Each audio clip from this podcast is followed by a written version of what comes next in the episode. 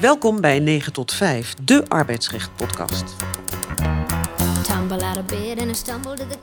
Vandaag is het 9 juni 2022. Mijn naam is Els de Wind, ik ben advocaat bij Van Doornen. En ik zit hier aan tafel met twee collega-advocaten, Ruby Samat van Arbeidsrecht Lab en Jet Stolk van Houthof. En wij gaan het vandaag hebben over de statutair directeur. En hoe zat het ook alweer met de rechtspositie van de statutair bestuurder? Jet, hoe zat het er ook alweer mee? Ja, de statutair bestuurder die heeft wel een bijzondere positie ten opzichte van wat ik maar even noem een gewone werknemer. Want daar spelen zowel dingen vanuit het vennootschapsrecht als vanuit het arbeidsrecht. Dus de statutair bestuurder heeft eigenlijk twee banden, zou je kunnen zeggen. Ehm, en mocht je tot ontslag komen, dan moet je dus ook ervoor zorgen dat die twee banden goed worden doorbroken. Dus dat is denk ik echt de bijzonderheid ten opzichte van de gewone werknemer. En ik, ik, ik denk dat we misschien zouden we even voor de luisteraar terug moeten gaan naar de 15 april arresten. Wat die ook alweer betekenen, hè? want daar, daar is deze hele discussie eigenlijk mee begonnen, kunnen we wel Ja. zeggen. Ja, dat zijn de 15 april arresten eh, de- uit het jaar 2005, maar we vatten ze inmiddels op die manier samen. Ehm, in die arresten is eh, het belangrijkste wat daarin is bepaald, is dat een rechtsgeldig ontslag van een bestuurder ook eh, de opzegging impliceert onder de arbeidsovereenkomst. Dat betekent ook bijvoorbeeld bij een statutair bestuurder, de- zodra de vennootschapsrechtelijke relatie eindigt, dat er, is geen gang naar de rechter nodig, eh UWV die, die toetst niet mee. Er moet natuurlijk wel eh, sprake zijn van een eh, rechtsgeldig besluit om te komen tot een beëindiging. Eh, dus zo'n ontslag moet voldoen aan allerlei voorwaarden. Zo kun je denken aan dat bijvoorbeeld de oproeping voor de algemene vergadering van, van aandeelhouders bijvoorbeeld, of soms is het dus afhankelijk van wat voor entiteit het heeft, is sprake van een raad van commissaris of een raad van toezicht die moet overgaan tot ontslag. Maar je, je moet denken aan dingen als dat de opzegtermijn goed in acht wordt genomen, eh, dat de uitnodiging op de juiste manier wordt verstuurd, maar ook de juiste inhoud heeft. En er moet op eh, in worden aangekondigd wat er op de agenda staat. Nou, dat is dan dus het, het voorgenomen eh, ontslag van die bestuurder. En dan heb je nog, los van de oproeping voor die algemene vergadering, de inhoud van de vergadering zelf. Komen dadelijk nog wel te spreken over eh, nog, nog een ander eh, interessant onderdeel van, eh, van de oproeping overigens. Maar als het gaat om de inhoud van de vergadering zelf, moet het besluit niet al vaststaan. Dat is vrij belangrijk dat je dat goed in acht neemt. Dat ja, wat je eigenlijk doet op zo'n vergadering is een soort. Je voert met z'n allen eigenlijk een soort theaterstuk op. Het is, eh, iedereen weet eh, wat, de, wat de regels zijn en hoe je het moet invullen. Het komt erop neer dat er, eh, er mag geen sprake zijn van een soort voor, eh, eh, vaststaand besluit. De bestuurder zelf, dat de bestuurder heeft een raadgevende stem, dus heeft adviesrecht. Er moet hoor en wederhoor plaatsvinden, maar in de praktijk is die beslissing natuurlijk al lang al genomen. En dan, als dat allemaal heeft plaatsgevonden, gaan partijen even uit elkaar meestal. Ehm, en dan vindt er even beraad plaats. En komt men weer terug bij elkaar en wordt dan het besluit genomen en meegedeeld dat eh, tot ontslag wordt overgegaan. En dat is ook het moment van ontslag. Er volgt daarna weliswaar nog een brief waarin het ontslag wordt bevestigd en waarin je ook bepaalde afspraken nog kunt maken. Hey Ruby, en we hebben het natuurlijk over de, de, eh, de BV's en bepaalde NV's. Hè? Ehm, maar vorig jaar is dit ook uitgebreid. Ik kijk even naar Jet voor de stichting. Klopt, dat is met de en toezicht is dat uitgebreid voor ook andere rechtspersonen, waaronder de stichting inderdaad. En dat is heel, vooral heel relevant in de publieke en semi-publieke sector, zoals de zorg en corporaties en dergelijke. Waarbij je zag dat zij eh, nog een gang naar de rechter moesten maken na het rechtspersoonlijk ontslag. Eh, dus dat was altijd een soort van tweetrapsraket. Dat werd als eh, ja, vervelend ervaren. Maar die is eruit. En dat betekent dat zowel voor een stichtingsbestuurder, maar ook een bestuurder bij de NV eh, en de BV, als je dat, zoals, zoals Ruby dat net heeft omschreven, dat ontslag goed doet, hè, de, rechtspersoonlijk, dan, dan is er ook geen herstel van de dienstbetrekking meer, nodig, meer mogelijk. Ja. Dan kan de bestuurder nog wel gaan voor een billijke vergoeding als er geen redelijke grond is of ernstig verwijt. Maar dan, ja, dan heb je het eigenlijk alleen nog maar over het geld. Dan is het ontslag als zodanig een feit. Altijd gaat het eigenlijk over het geld. Al, ja, altijd. Ja. hè? Hey, en de, eigenlijk was de aanleiding voor deze podcast de heel recente uitspraak van de, in zaken de Volksbank. Hè? En dan hadden we kort daarvoor, vorig jaar meen ik, de Deloitte-uitspraak. Ja, Dus we het daarna- daar eens even over gaan hebben met elkaar. Ehm, Jet, eh, misschien kan jij wat meer vertellen over de Deloitte-uitspraak. Ja, de Deloitte-uitspraak, dat ging over een partner bij Deloitte. Ehm, ik geloof dat hij ook nog eh, fiscalist was. En een partnerstructuur verschilt eh, in zekere zin ja, wel van, eh, van een gewone bestuurder of een gewone werknemer. In die zin dat je dan in, vaak een aansluitingsovereenkomst krijgt met de vennootschap. In dit geval een van de vennootschappen van Deloitte. En dat die aansluitingsovereenkomst wordt getekend door een management BV. En achter die management BV of in het bestuur van die management BV zit dan de persoon die het eigenlijke werk doet, de partner, de equity partner. Eh, ja, en, en die, eh, die, die, die constellatie was, eh, was daar. En op een gegeven moment toen was er oneenigheid over de performance van deze equity partner. En heeft Deloitte aangegeven te willen beëindigen. Eh, en die zijn uiteindelijk ook tot opzegging eh, overgegaan. En toen kreeg je de vraag, althans toen wierp de betreffende partner de vraag op, ja, is dit nou een, een arbeidsovereenkomst of een overeenkomst van opdracht? Want in het, als het een arbeidsovereenkomst is, ja, dat kan je dan niet zomaar doen. Ja, en toen dacht die man natuurlijk... eh, ik vind dat het wel een arbeidsovereenkomst is, die partner. Ja, kijk, het is natuurlijk geen verrassing dat als het iemand heet onder de voeten wordt en ontslag en dergelijke volgt, dat, dat mensen nog wel eens van kleur verschieten in dat eh, opzicht. Eh, dus ook hier. Ehm, maar dat, dat werkt niet voor hem. Eh, uiteindelijk zegt de rechter heel duidelijk: ja, ehm, eh, je had best wat, wat vrijheden en dergelijke. En je wist waar je aan begon. Bovendien ben je zelf ook nog eens fiscalist. Dus als iemand weet dat het verschil tussen een arbeidsovereenkomst en een overeenkomst opdracht, dan ben jij het wel. Eh, en dat wordt wel beoordeeld eh, ja, langs de lat van het arrest van de Hoge Raad, wat eind 2020 is eh, gewezen. Ehm, Ja, want ik wilde jou eigenlijk vragen... wat zijn nou de belangrijkste Ja. leerpunten uit de Deloitte-uitspraak? ja, ja, precies. Nou ja, eigenlijk wordt de, arrest van de Hoge Raad wordt toegepast. Dat noemen we de zogenaamde twee-fase leer. Nou, en in de eerste fase ga je dan kijken welke rechten en verplichtingen zijn partijen nou precies overeengekomen. Ehm, nou ja, daarbij mag je haveltekst gebruiken. En vervolgens, als je dan zegt eh, het lijkt op een arbeidsovereenkomst, dan ga je dat ook toetsen aan de kenmerken van de arbeidsovereenkomst, conform artikel 16 van boek 7. Nou, en dat zijn de drie dingen: eh, loon, arbeid en wat ik maar even noem, gezag. En wat kwam er toen uit, uit die zaak, bij die zaak? Er kwam uit dat dit een overeenkomst van opdracht is. En eh, ik denk dat het een terechte uitkomst is in, in, in dat opzicht. Eh, maar ik, ik heb, mijn gevoel zegt me ook heel duidelijk dat deze rechter ook zoiets had van...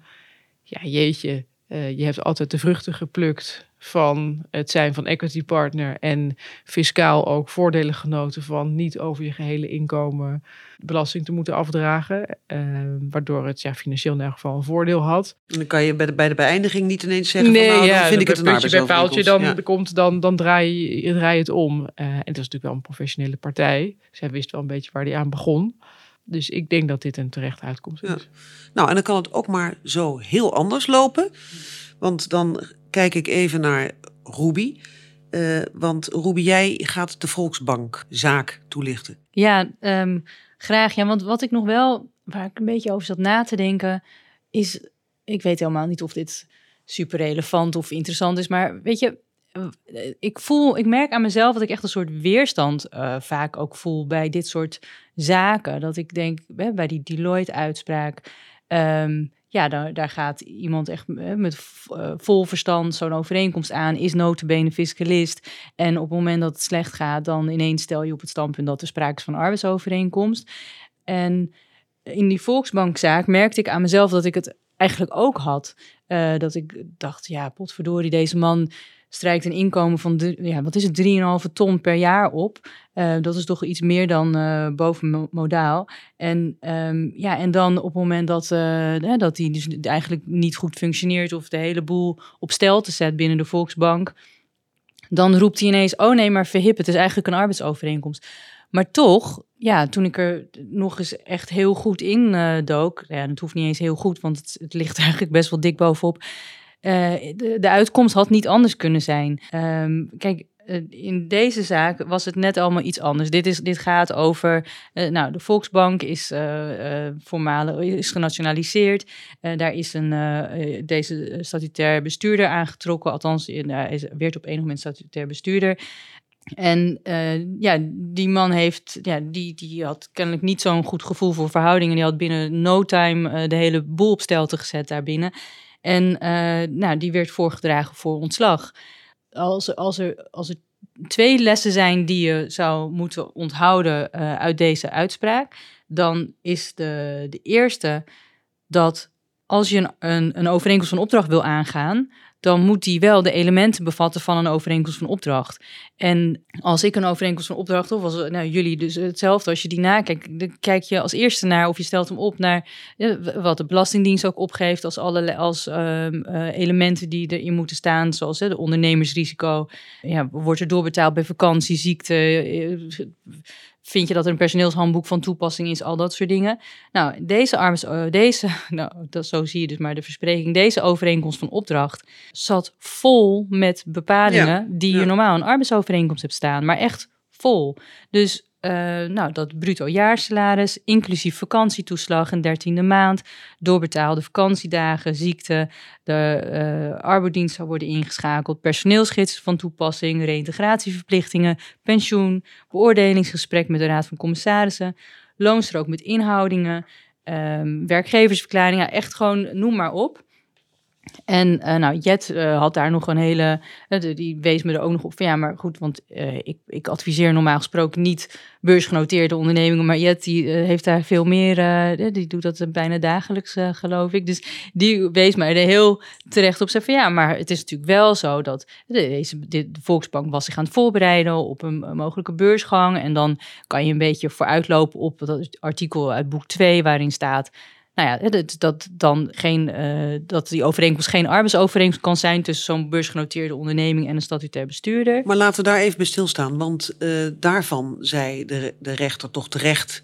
Uh, ja, of je bent beursgenoteerd of niet. Ja. En dan kan je wel zeggen in de aanloop naar, maar die rechter zei terecht nee, het was niet een beursgenoteerde vennootschap. Ja. Nee, want ik, daarvoor geldt gewoon hetzelfde regime als dat geldt voor ieder ander. Ja, dus ja. maakt niet uit of je 3,5 ton verdient of dat je op de fiets zit bij Uber uh, of Deliveroo. Of nou, op de fiets bij Uber is een beetje moeilijk, maar bij Deliveroo.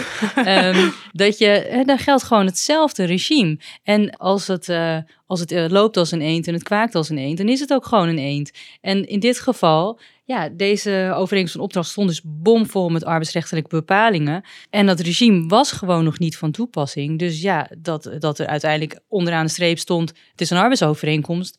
Dat is niet zo heel uh, verrassend. Nee, nee, dat vonden we denk ik allemaal niet. Hè? Maar wat, wat, Ruby, wat zijn nou de belangrijke punten die jij meeneemt uit die Volksbank? Ja, nou, dus dat, eerste, dat, dat je dus, als je die overeenkomst van opdracht wil aangaan, dat je goed moet opletten dat het dus niet allemaal arbeidsrechtelijke bepalingen bevat.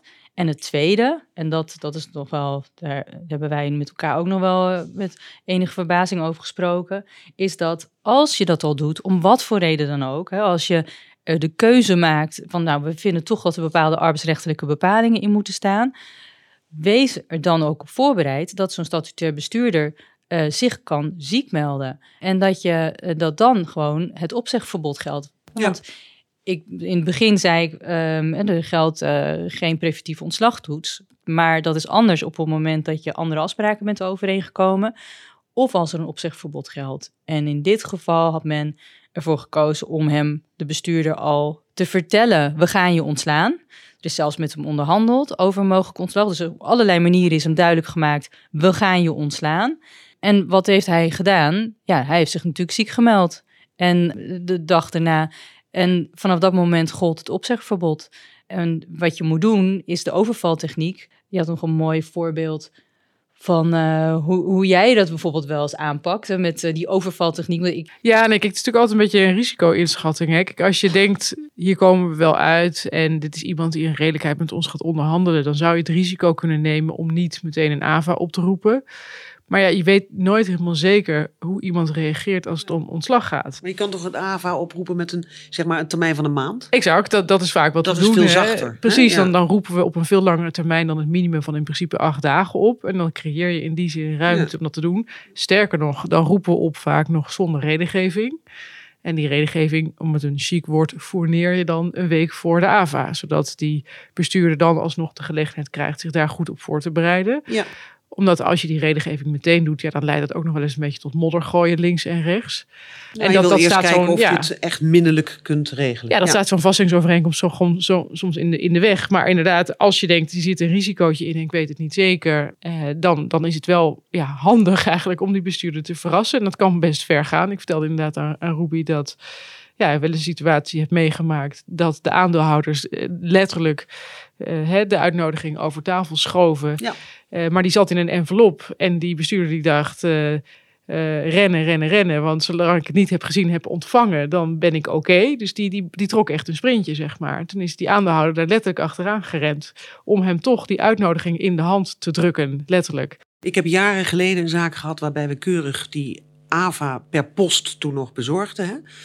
En die eh, directeur, ik kwam voor de, voor de werkgever op, ehm, die heeft het verstaan om te zeggen: Ik hoorde het grind knarsen en ik ben daar totaal van overstuur geraakt. En we hebben, geloof ik, acht instanties nodig gehad om die directeur eruit te krijgen. Hij zei dat, dus dat hij ziek was geworden, voordat hij de brief in Ja. handen kreeg. Maar goed, iemand moet dan wel echt ziek blijken. Hè? En, en wat je Ja. hier in de Volksbank uitspraak ook wel ziet, is dat. Ja, ik ben er niet bij geweest, maar relatief laat vind ik dat ze dan een bedrijfsarts erop zetten. Ik zou gewoon meteen Ja. diezelfde dag nog of de dag naar iemand laten zien door de bedrijfsarts. Want als diegene misschien wel ziek was op het moment van de oproep, maar niet meer ziek is op het moment van de je nog steeds eh, in business, om het maar zo te zeggen. Hey, voordat we nog al over het geld gaan praten in de Volksbankzaak, nog eventjes, want Jet had het over die kwalificatievragen, Mhm. of die twee fasen eh, die we in de eh, uitspraak X tegen de gemeente Amsterdam hebben gezien. En daar is in deze uitspraak ook keurig, eh, hè, langs die lat Ja, is in deze uitspraak de zaak ook gelegd. Hè? Ja, ja, dat klopt. Ja, en dan, ja, dus ja, je kijkt weer naar de, naar de, uitlegfase, je loopt alles langs en dan de kwalificatiefase. Wat eigenlijk heel belangrijk was, was dat juist voor het element opdracht, dus eigenlijk meer omgekeerd als je in de kwalificatiefase zit, dat daar niet voldoende onderbouwing voor bestond. Omdat er bijvoorbeeld gewoon geen commerciële risico's voor deze bestuurder bestonden.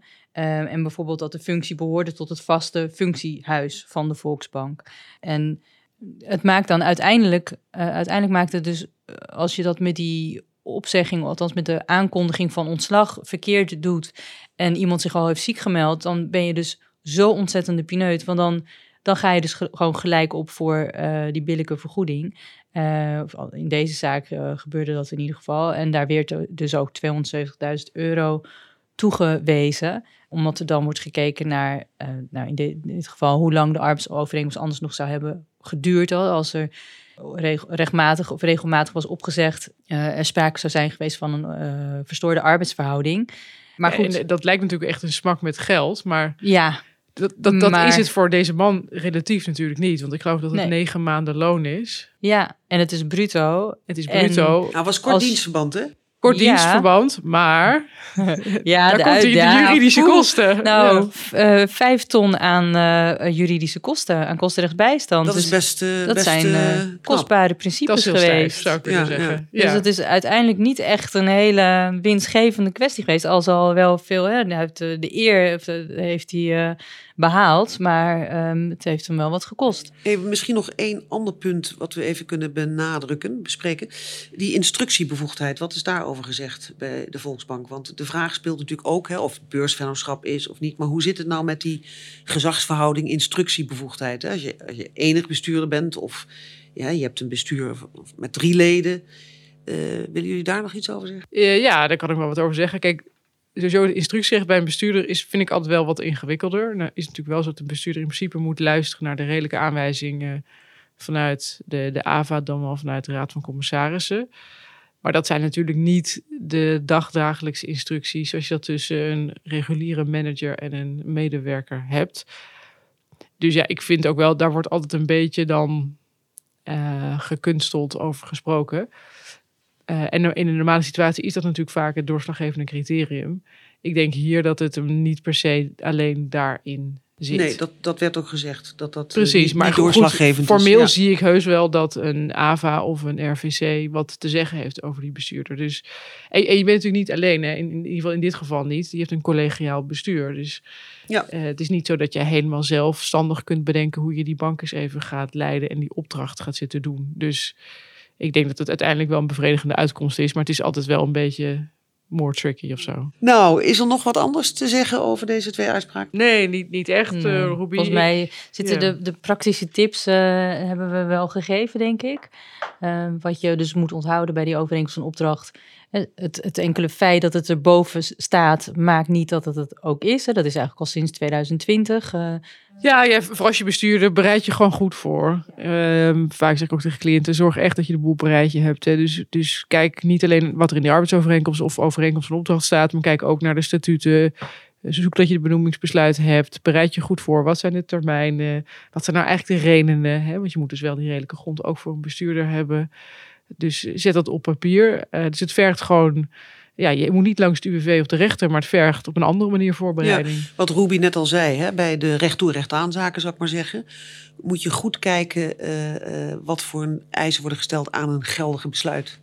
Ja, maar ik vind eigenlijk dat die Volksbankzaak ook best wel een recht toe recht aan, aan zaak Ja. is. Ja, maar jij, Maar maar jij goed, legt dus er de nadruk op eh, dat, het, dat het ook gaat over, zorg nou dat het besluit geldig is. Hè? Ja. En de, Dat je de formaliteiten in acht genomen, precies. zegt. Ja, Kijk, goed, Ja, het dat ontslagbesluit rechtsgeldig. Maar ja, als Ja. iemand niet goed is benoemd, dan is hij überhaupt niet een statutair bestuurder. Ja, dus dat dan, speelt ook nog. ja, ja, dus dat, dat, dat, dat is allemaal wat ik even noem goede voorbereiding. komt regelmatig voor. Ja, want die dat besluiten zijn altijd kwijt. Ja, dat Ja, komt de dat komt heel vaak Ja. voor. of Ja, RVC. Ja. zeker. Nou, dan zijn we aan het einde gekomen van deze podcast. Eh, dank u wel voor het luisteren. Eh, Jet en Ruby, heel veel dank. Eh, kijkt u vooral naar onze website www.9 tot 5 podcast.nl voor nou ja, ondersteunend materiaal voor deze podcast, maar ook voor onze volgende podcast. The traffic starts jumping with folks like me on the job from nine to five.